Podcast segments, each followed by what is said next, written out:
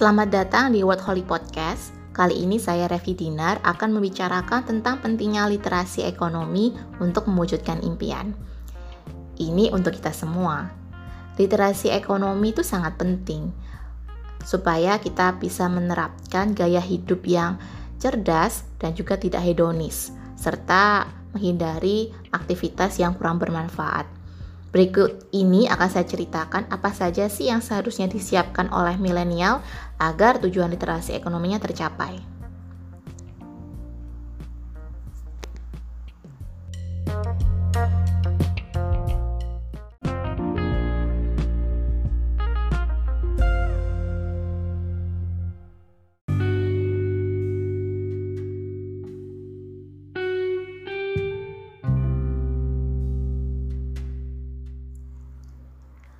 Literasi ekonomi adalah sebuah bentuk pemahaman tentang bagaimana cara kita mengatur kondisi finansial, terutama dalam mengatur uang hingga bisa tercapai tujuan ekonomi kita.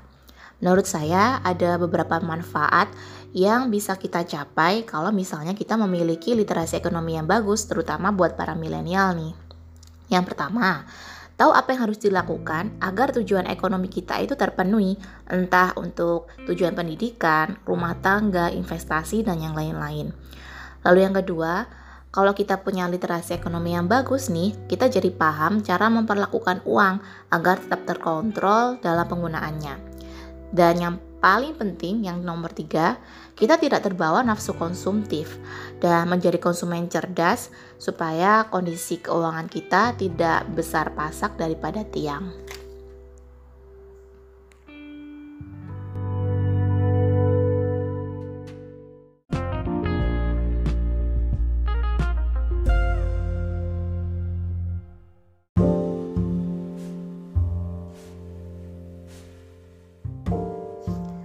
Berikutnya, setelah saya bercerita beberapa manfaat tentang memiliki literasi ekonomi yang bagus, sekarang saya akan bercerita kepada teman-teman pendengar podcast bagaimana cara saya untuk belajar sekaligus mempraktekkan literasi ekonomi. Dan manfaat-manfaat itu sudah sangat saya rasakan, terutama untuk mencapai impian-impian saya termasuk membantu keluarga. Yang pertama adalah saya menyiapkan dana darurat.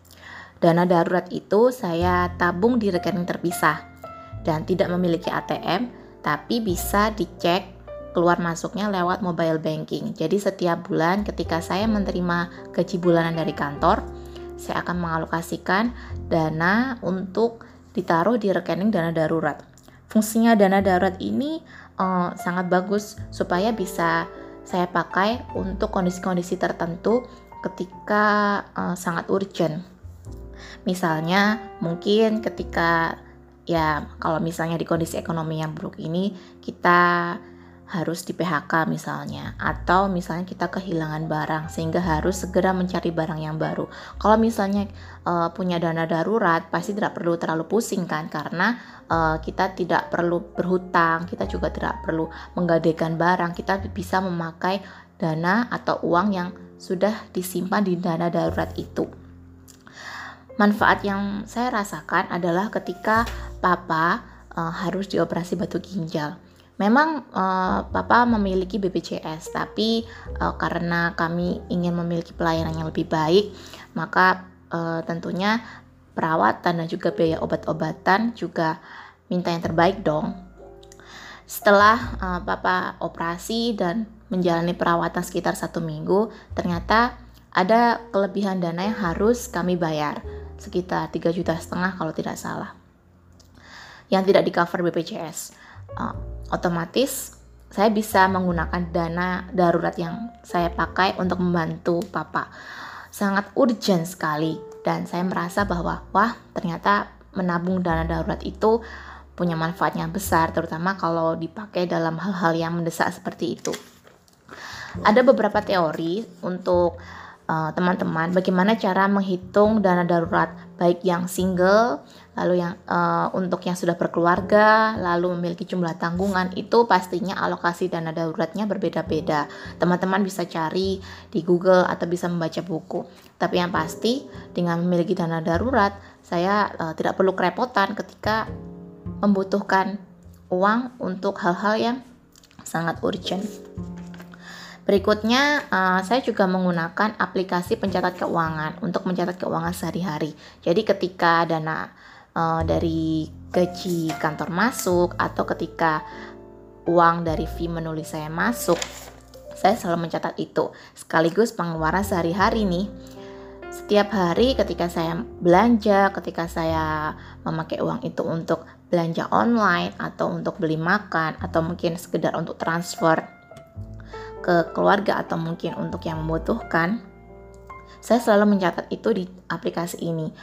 Kalau misalnya teman-teman suka dengan cara manual seperti mencatat atau mengetik di Excel, ya tidak masalah. Tapi karena saya suka yang praktis, maka saya mendownload di smartphone salah satu aplikasi mencatat keuangan. Ada banyak sekali aplikasi, teman-teman bisa pilih salah satu yang cocok buat teman-teman.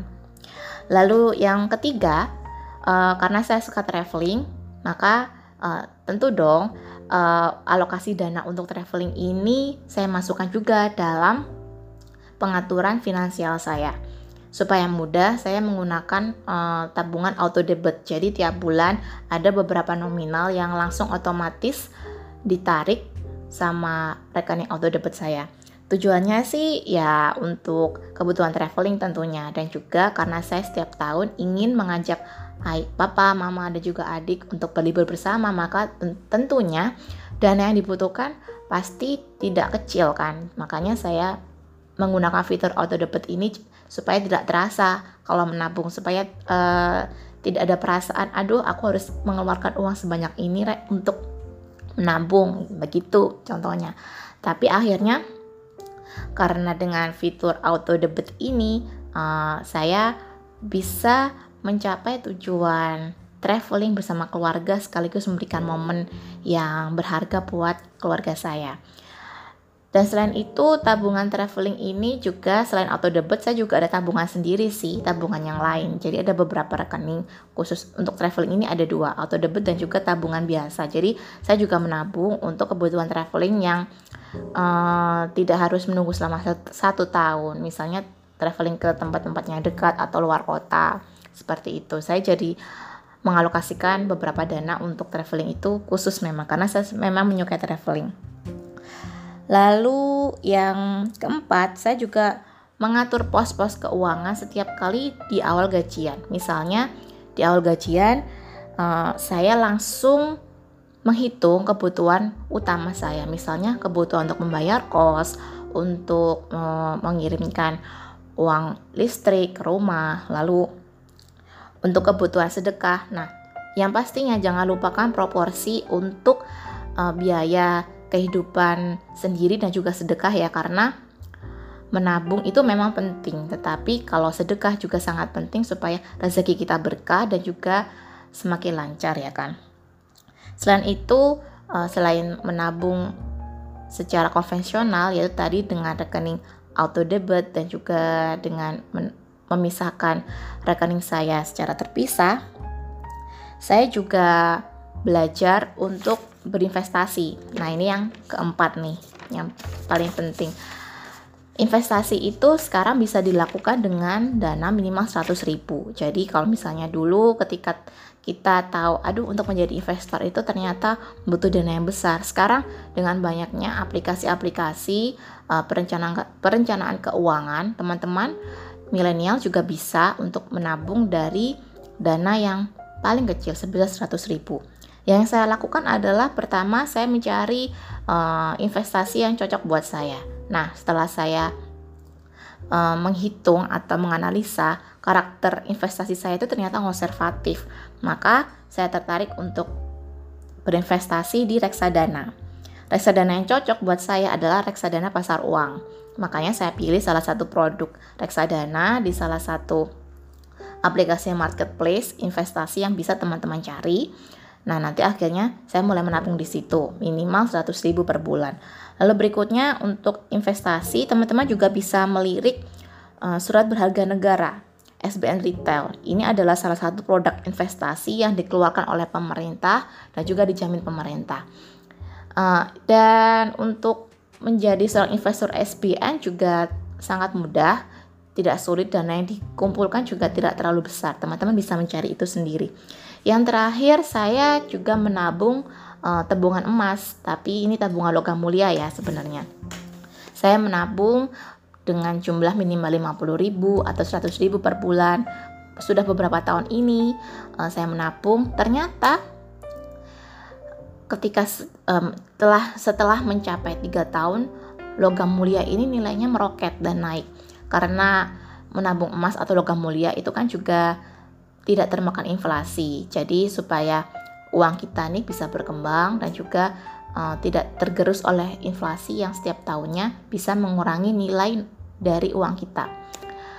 Nah, itulah beberapa cara yang saya lakukan supaya lebih melek literasi sekaligus belajar untuk mengatur kondisi keuangan saya. Nah, memang kita juga perlu sih untuk sesekali senang-senang, juga sesekali untuk traveling, tapi yang paling penting kita tahu ke mana saja uang kita keluar, berapa dana uang yang masuk, dan kita juga tahu bagaimana cara mengalokasikan dana kita supaya bisa bermanfaat. Selain sedekah misalnya, kita juga perlu nih membaca buku atau sesekali ikut kelas workshop. Kalau misalnya teman-teman masih sangat awam dengan cara atau metode literasi ekonomi, ikutlah kelas finansial. Ambillah kelas-kelas baik yang gratis maupun yang berbayar. Sangat worth it. Saya selalu mengalokasikan dana untuk membeli buku dan juga mengikuti kelas yang saya minati.